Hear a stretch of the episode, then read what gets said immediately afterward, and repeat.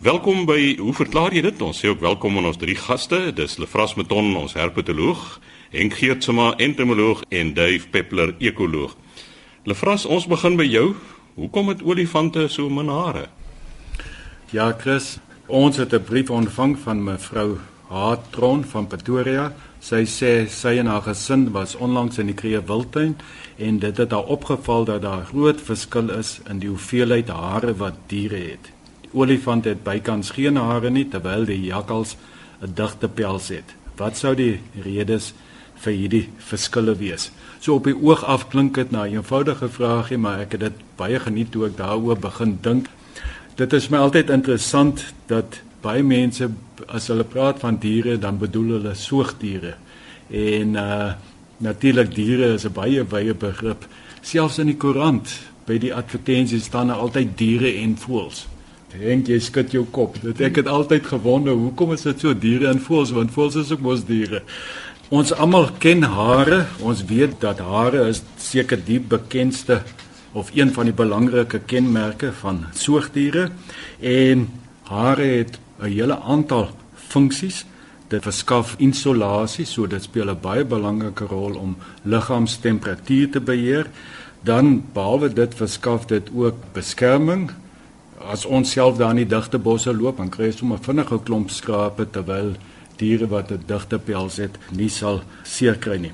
Dit beskerm natuurlik teen sonlig, teen baie parasiete en mikrobes en dan verskaf dit kamouflering. As mens dink hoe die luiperd se kolle, hoe moeilik dit is om hom raak te sien, dit stuur syne uit vir ander diere, kommunikasiesyne. Oppas bly weg van my as mens dink aan die stinkmuise ons swart en wit strepe. Zebras kommunikeer in die nag met daardie swart en wit strepe sodat hulle mekaar kan raak sien en op 'n hoopie bly ensovoorts ensovoorts. So wanneer diere nie of min hare het, dan sal mens dadelik vra vra omdat hare so 'n belangrike rol speel. Ek dink mens moet net vinnig teruggaan na waar en hoekom het hare in die eerste plek ontwikkel. En ek dink as mens so 150 miljoen jaar teruggaan, min of meer in die geskiedenis toe die eerste soogdiertjies ontstaan het, hulle was klein diertjies en dit is waar hare ook ontwikkel het want hierdie eerste soogdiertjies, hulle was endotermies, hulle het hulle eie hitte geproduseer en omdat hulle so klein was was daar groot verlies aan hitte en hierdie hare het ontwikkel om te help om hulle liggaamstemperatuur te behou. As ons vandag so kyk na al die verskillende ontwikkelingslyne binne soogdiere, is daar 'n hele aantal diere wat min of omtrent geen hare het nie. Ons weet die naakte mol is 'n goeie voorbeeld. Hulle bly ondergronds dit is natuurlik pikdonker so hulle het nie nodig om via liggaamsklere met mekaar te kommunikeer nie. Hulle is sosiale diere so hulle lê op 'n hoopie om liggaamstemperatuur te beheer. Die temperatuur is ook redelik konstant ondergronds. En die hare speel eintlik geen rol aan daardie omgewing en die hare het verlore gegaan. Dan is daar baie diere wat swem. Ons weet in die see is daar 'n hele aantal soogdiere wat ook hulle hare verloor het omdat hulle hare sal 'n beslommernis wees vir vinnig duikende diere. So hulle het hulle hare verloor, maar al daardie diere het dan 'n dik speklaag om te help met termoregulering onder water. Dan is daar baie semi-akwatiese diere. As mens nou dink aan die otters en so meer. Mens sou nou verwag het dat hulle min hare sou hê, maar hulle het eintlik baie digte pelse want daardie hare speel 'n belangrike rol deurdat dit lig vasvang en wanneer hulle dus nou in die water is, dan help dit die diere om te dryf en nie net soos 'n klip af te sink na onder nie en daardie hare is ook waterweerend sodat die diere nie eintlik nat word en natuurlik wanneer hulle weer op land is dan het die hare 'n belangrike beskermende funksie. Dan is daar om nou by die vraag uit te kom 'n hele aantal diere wat min hare het. Ons dink hierso sommer dadelik aan die olifante, maar dis nie net olifante nie, renosters, seekoeie, weet baie van die vark spesies het ook min hare. Wat is hierso aan die gang? Dit is eintlik baie ooglopend. Hierdie diere is baie groot, olifante en enige groot dier, soogdier het 'n probleem nie so seer met opwarming nie, maar om af te koel omdat hulle liggaamsoppervlak volume verhouding nou so swak is het hulle 'n probleem dat as hulle warm raak, kan hulle nie afkoel nie. En as daar nou nog 'n hare dos om is, kan hulle oorverhit. So dit is die antwoord hoekom olifante min hare het. Dit is te warm. Hulle gaan te warm kry. Seekoeie dieselfde, renosterus is dit ook so. As mens so bietjie terug sou gaan in die geskiedenis in die Pleistoseen ongeveer sê nou maar so tussen 'n miljoen en so 10000 jaar gelede die mammoete byvoorbeeld Dit was ook olifante. Hulle het lang hare gehad want hulle het natuurlik gedurende baie koue tydperk gelewe waar hare nou nog belangrik was. So om daardie vraag te antwoord, dit is bloot 'n termoreguleringsprobleem. Die diere het probleme om hulle liggaamstemperatuur konstant te hou. Hulle het veral 'n probleem met afkoeling. Ek wil dan net so oorgaan na 'n volgende ding en dit is hoekom het die mense minare want die mense is nie besonder groot nie is dit nou 'n termoreguleringsding iets wat vir my interessant is Chris wat daarop dui dat ons ons hare wel verloor het ons kan miskien by 'n volgende program hierdie vraag herbesoek en dieper daarna kyk hoekom mense sy hare verloor het maar het julle al gedink hoekom ons hoendervleis kry dit wys dat ons hare gehad het want al die soortdiere wat hare het is in staat om daardie hare te lig vir termoregulering om hulle op te pof of as hulle skrik of aggressief raak dan kan daardie hare gereis word. Ons het dit nou nog oog gehou. Hoendervleis is daardie reaksie. Jy weet wanneer jy hoendervleis kry, maar jou buurman kan dit nie sien nie, so dit eintlik dit is net 'n oorblysel van die geskiedenis. Die mense het op 'n stadium hare gehad, maar dit sal nog as 'n lekker gesprek wees by 'n volgende program. Interessant genoeg dat in die volksmond sê jy het so geskrik dat jou hare oorent gestaan het, nê. Nee, dit is baie algemeen, maar dan nog iets uh, 'n vras wat my boei is die oorblyfsels van ons hare dos het baie spesifieke funksies by die mens. Waar sit dit? Dis op die pubis, die oksel en op die kop. En al drie hierdie loopie het baie hoë digthede van velkliere wat wat afskeidings maak. Dis hoekom ons na sweet ruik en olie ruik is. So daar is 'n verborgde kommunikasie element in die hare wat oorbly. Maar om net terug te kom na olifante, toe ek het die wonderlike geleentheid gehad om knap teen 'n olifant, 'n mak olifant te staan en met sy mahout, sy beheerder te kommunikeer en hy sê toe vir my te sê ek ag kyk die vel, jy weet hy voel seker niks. Hy sê neem 'n grasspriet en raak aan die olifant se bout. En en toe lei hy haar aandag af en sy het weggekyk en toe ek aan die bout raak met die graspiet het daar spiertjies onder die vel begin speel. En dit wys tog dat hierdie oorblywende hare taktiel baie baie belangrik is al die hare van diere nie almal nie maar by, by die olifant spesifiek voer stimule terug van die omgewing na die dier en dit was vir my 'n wonderlike ondervinding om aan 'n enkele haar te raak en sy daarvan geweet Dit dan wat betref die olifant wat so min hare het. Ons gaan voort met hoe verklaar jy dit? Henk Geertsma ons entomoloog. Henk, jy het 'n vraag oor Eugene Maree en dan ook wit skoenlappers. Dis reg. Ek het hier so 'n e-pos van Okkert Malan en ek lees die kort briefie. Nadat ons onlangs die film Die Wonderwerker oor Eugene Maree bygewoon het, ek het weer die siel van die muur van 1934 gelees. En dan wil ek graag weet Nou watter van Marie se ontdekkings na agtergades is nog geldig en watter van sy raadsels is intussen opgelos. Nou in die eerste plek die boek Die siel van die muur is in 1925 gedruk, so dis die eerste uitgawe. Nou meneer Malan het hierso die uitgawe van 1934 gelees. Maar die heel interessantste ding eintlik van die boek van Die siel van die muur is natuurlik hy moes gelees het Die siel van die termiet want ons groot verskille tussen mure en termiete. So dis die eerste les wat Jean Marais geleer het. Maar dan daar was 'n skandaal omtrent hierdie boek. Want in 1926 het Maurice Metterlink, 'n Belg, en wat nogal 'n Nobel laureaat was, plagiaat gepleeg deur die boek te vertaal, The Life of the White Ant, en dis gepubliseer in 1926. En Eugene Marais was natuurlik 'n opgeleide prokureur of advokaat En hy het eintlik probeer om hierdie Maurice Metterlink in die hof te daag, maar die ding is dit nader aan soveel geld begin kos dat hy maar die saak net daar gelaat. Maar ek dink al die eer kom Eugene Marais toe. Sy hele hooftema in die siel van die muur of termitan is eintlik dat die termitarium, met ander woorde die kolonie waar termiete voorkom, is eintlik een enkele organisme. En hy probeer dan uitmaak dat die verskillende termiete daar vorm amper soos in ons geval die individuele selle wat dan deur die koningin in die nes self gekoördineer word.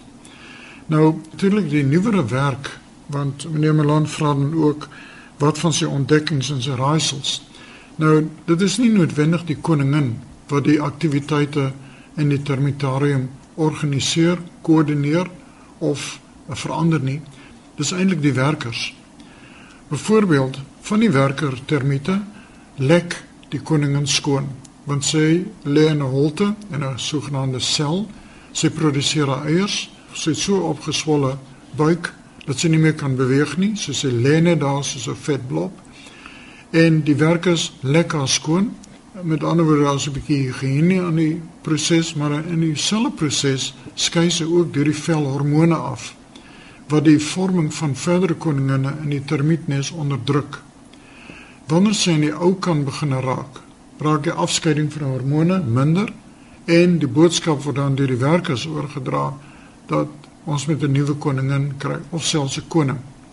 So met ander woorde, die koningin bepaal op 'n indirekte manier die voortbestaan van hierdie kolonie self. Dan die werkers sorg dat daar voedsel is in die koskas, nie die koningin self nie. Met ander woorde, sy kan nie 'n bevel uitvaardig om te sê Mense, ons koskas raak 'n bietjie leeg, gaan soek kos. Die werkers bepaal dit. So eintlik wat ek wil sê is dat die termiet termitarium is amper 'n ideale sosiale omgewing waar die werkers die regering bepaal en nie die regering wat die werkers terroriseer nie. 'n Tweede vraagie gaan en ek lees die brief dan van Chris Small van Pretoria. Hy sê gedurende sommige van die somermaande kry mense swerms wit skoenlappers wat vir 'n geruime tyd soort van sonder ophou vlieg. Dit is veral in November en Desember. Hy sê ek kan ongelukkig nie die Afrikaanse naam nie. Die Engels is die brown-veined white butterfly. Nou die Afrikaanse naam is eintlik die witgat skoenlapper. Dan sê ek het dit al in verskeie dele van Suid-Afrika gesien en ook in ons buurlande in die noorde. Die interessantste verskynsel is dat die skoenlappers almal in 'n noordoostelike rigting vlieg ongeag van waar mense hulle sien. Dit lei dan tot 'n paar vrae. Waarheen gaan hulle? Waar kom hulle vandaan? Met ander woorde, waar kom die eiers vandaan as die volwassenes heeltyd noordoos vlieg en is een van die tyd noordoos van waar hulle uitgebroei het en 'n metamorfose ondergaan het vrek? Nou ja, dis 'n hele mond vol hierso, maar kom ons begin. Die Afrikaanse naam is witgat skoenlapper.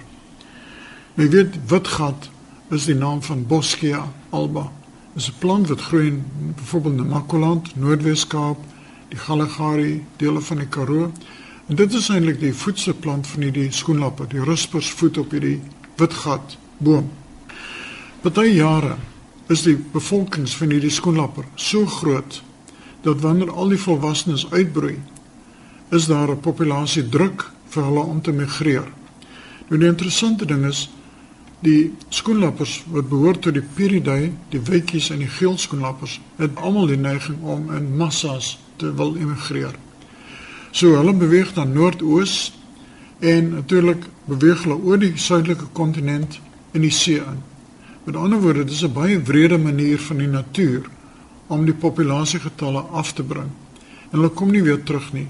Meeste van hulle vrek of word geroof deur ander diere en so op pad na die noordooste toe. Maar hulle kom nooit weer terug nie. Met ander woorde, die bron van die witskoenlappetjies bly in die Noordwes Kaap, daardie omgewing. Die verskynsel gebeur omtrent jaarliks.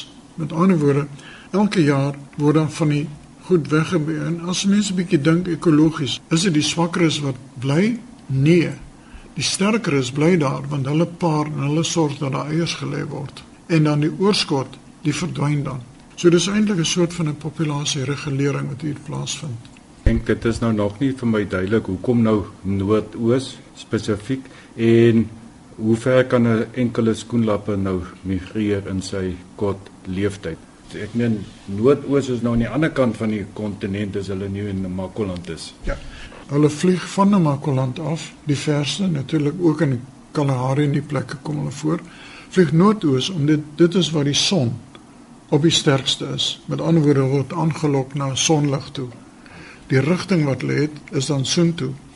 Hulle het net een generasie wat in Namakoland uitbroei, maar hulle kan nie op die pad verder teel nie. Met ander woorde, dis die enkele generasie wat dan uitgeroei word. Maar hulle gaan nooit by die see uitkom nie. Daar is van hulle wat by die see uitkom. 'n Enkele skoenlapper. Enkele skoenlappers. Hulle kan duisende kilometers Ja, vlieg. dit is interessant. Ek weet nie wie dit ooit al gesien het nie. Dis iets om te beleef in November, Desember in Transvaal as jy die hordes wit skoenlappers sien, almal in een rigting beweeg. Natuurlik, ek is 'n skoenlapper versamelaar. En vergeet maar om van daai skoenlappers te versamel want hulle is almal beskadig. Wat vir jou aandui dat hulle 'n lang pad al gekom het. Hulle kom nie net hier voor nie, maar hulle is ook in Israel byvoorbeeld bekend. So dit mag wees dat van hulle wel op 'n manier deur Oos-Afrika na die Arabiese skiereiland toe beweeg het. As jy nou sê enkele skoenlapper lê duisende kilometer af, nou het ek 'n energetiese probleem. So hulle eet op pad, eet hulle dan nog altyd hierdie gunsteling voedselbron? Ja, die ding is hulle besoek blomme en die ding is wat ook interessant is, kyk November, Desember is kosmostyd in Transvaal byvoorbeeld. En daai blomme is oortrek met hierdie skoenlappers. So nee, hulle kan deeglik goed voed om te vlieg. Maar die ding is dit is 'n soort van 'n amper wil 'n mens die lemmings van Noorwe wil jy hierby betrek wat ook net in die selfmoordmigrasie stroom in beweeg. En dieselfde gebeur met hierdie skoenlappers. En so sê Henk Geertsma, ons entomoloog, laaste aan die woord Dave Peppler. Dave, jy gesels vandag oor gorillas. Chris, ja, die aanloop tot verskeie vrae was 'n 'n lat wat ek vir my eie gat gesny het onlangs op RSG met 'n uitlating oor 'n nosterstropery wat so aan die toeneem is selfs met beheermaatreëls wat ingestel is. Ons weet dat uh, selfs met hierdie nuwe taakmag is daar vir jaar al meer as 100 van die stomme diere daarmee heen. Maar ek het toe 'n vergelyking getrek met die gorillas en gesê dat uh, hulle is net so bedreig en tog bly hulle voortbestaan. En die rede daarvoor is omdat hulle so 'n hoë waarde het as toeriste aanloklikheid. Ek het ook toe afgelei dat tot tyd en wyl ons aan renosters dieselfde groot waarde as 'n gorilla kan gee, gaan hierdie attrisie voortduur en ons gaan hulle tot op die rand van uitsterwing dryf tot ons hulle gaan aanhou en dan mense 1000 dollar vra om 'n renoster te sien. In elk geval, kom ons kyk dan 'n bietjie hoekom is die gorillas dan so suksesvol? Daar's net twee groepe, twee diskrete groepe van berggorillas oor en ons verwys hier na die berggorilla. Daar's laagland gorillas wat meer algemeen is. Maar hulle kom voor in die Virunga berge daar waar daai fossie vermoere is en dan 'n baie interessante groep in Bwindi Impenetrable Forest in Uganda wat 'n verruklike reënwoud is. Ek was al daar. Nou die laaste telling is daar nou 880 van die stomme goed oor. Die berggorilla het saam met die groot gorilla groep in die orde van 9 miljoen jaar gelede ontwikkel. Maar toe het hulle afgeskei van die bonobo sjimpansee menstak. En ongeveer 400 000 jaar gelede het die gorilla groepe geskei na die berggorilla en die laagland gorilla. Die berggorillas kom op hoogte voor, net tussen 2 en 4000 meter. Sommige van hulle gaan selfs hoër en dit is hoekom hulle die berggorilla genoem word want hulle lewe in mistige reënwoude waar die laagland gorilla net in reënwoude leef. Hulle is suiwer vegetaries. 87% van die dieet is net blare en dan eet hulle bas 7%, blomme 4% en 'n klein bietjie vrugte, kan jy glo, byna geen vrugte nie, slegs 2%. 'n Groot mannetjie, die sogenaamde silverbacks wat die hoof van die diskrete groep is, eet in die orde van 34 kg blare per dag net om aan die gang te bly. 'n Groot wyfie in die orde van 18 kg. Hulle het 'n intens sosiale stelsel waar die silverback mannetjie, die silwerrug mannetjie aan die hoof is. Die silwerrug ontwikkel met puberteit en dan natuurlik ook met sosiale status. Hoe hoe, hoe sterker hy word binne die groep, hoe meer grys hare of silwerhare kry hy. Ek vermoed dit is maar testosteroon gedrewe van 'n aktiewe testosteroon gevoede huid. Wat interessant is dat die groepe bly redelik konstant. Klein familiegroepe en dat jong diere en nou as ek nou praat van jong praat ek van 11 jaar vir mannetjies, 8 jaar vir vir wyfies dat hulle uitmigreer uit die groep en by ander aansluit of hulle eie groepe vorm. Dis natuurlik 'n baie goeie maatreël teen inteling want geneties is hierdie uh, groepe baie ingeteel. Wat ook interessant is dat indien 'n wyfie sou vrek op 'n mannetjie se gunsteling, sal hy die kleuters by haar oorneem en hulle versorg. Dit is eintlik 'n verskriklike interessante menslike ekwivalent. Hy sal vir hulle kos gee en selfs in sy blaarbed toelaat. Nou jy weet hoe moeilik 'n mens slaap met 'n kind in die kooi. Fooi tog die gorillas doen dit ook. Hulle is uh, redelike aggressiewe diere, nie binne die groep nie, maar as hulle bedreig word deur een die mens en jonges deur luiperde veral. Dan is daar interessante geritualiseerde gedrag.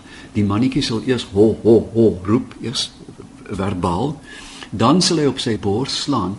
Nou, 'n mens moet onthou, 'n suiwer vegetariër wat 34 kg blare 'n dag eet, is soos 'n groot drukpot. 'n Gorilla is eintlik hol binne in. Dit is 'n groot gashouer. Dit is byna soos 'n fermentasievat, want jy kan jou nou voorstel dat hulle gis van al die blare en natuurlik daar is niks op aarde wat kan knal soos 'n gorilla wind nie, want dit is die metaangasse. Inteendeel, jy hoor 'n gorilla groep lank voor jy hulle sien, en nie aan hulle roep nie, maar aan knalharde winde.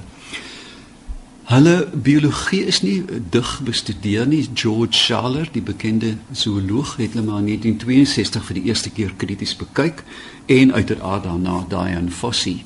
Die ekwivalent in gedragbestudering is natuurlik die sjimpansees wat baie intensief bestudeer is. Hoekom is hierdie diere so bedreig?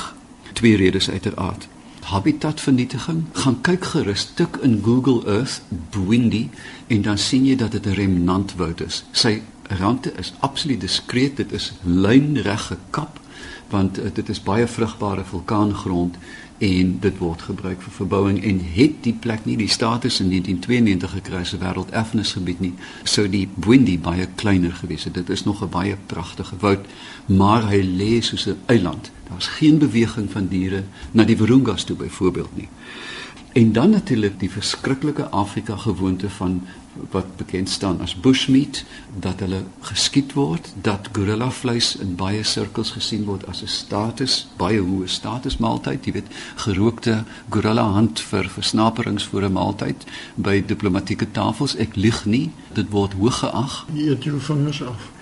Henk jy het dit absoluut raak. 'n uh, ander interessante wat nie meer spekulering is nie is dat die oorsprong van HIV het heel moontlik uit die eet van hoër primaatvleis gekom wat nie goed gekook was nie. So daar is 'n direkte gevolg van 'n mutasie van 'n organisme wat gekom het uit hierdie wat nou nog voortduur. Ek weet in Boendi is daar voor verlede jaar 5 gorillas geskiet. Maar nou betaal jy groot geld. Dis in die orde van 500 dollar om 'n uur by hulle deur te bring en mense staan tou van reg oor die aarde om dit te kan beleef. Jy moet elke dag gaan soek. Hulle het nie radio's aan nie en dan moet jy weet waar hulle die vorige dag was, maar hulle is baie mobiel en dan is dit die aanloop tot 'n reuse avontuur. Jy moet jou draasakkie, diskrete groep van nooit meer as 8 of 9 mense nie met 'n gewapende wag en dan vaar jy 'n reënwoud binne en jou pad word oopgekap na die gorillas. En ek moet sê dit is vir my een van die van die grootste ondervindings van my lewe om so na een aan een van die skaarsste diere op aarde te kom, maar ook my voorgeslag so in die oë te kan kyk. Dit is 'n verruklike ondervinding.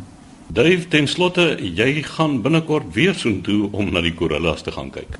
Man, ja, weer eens het ek nou 'n willeperd opgesaal en myself as gids aangebied en tot my verbasing is daar baie belangstelling en daar is reeds dink ek in die orde van 3 toere gereël.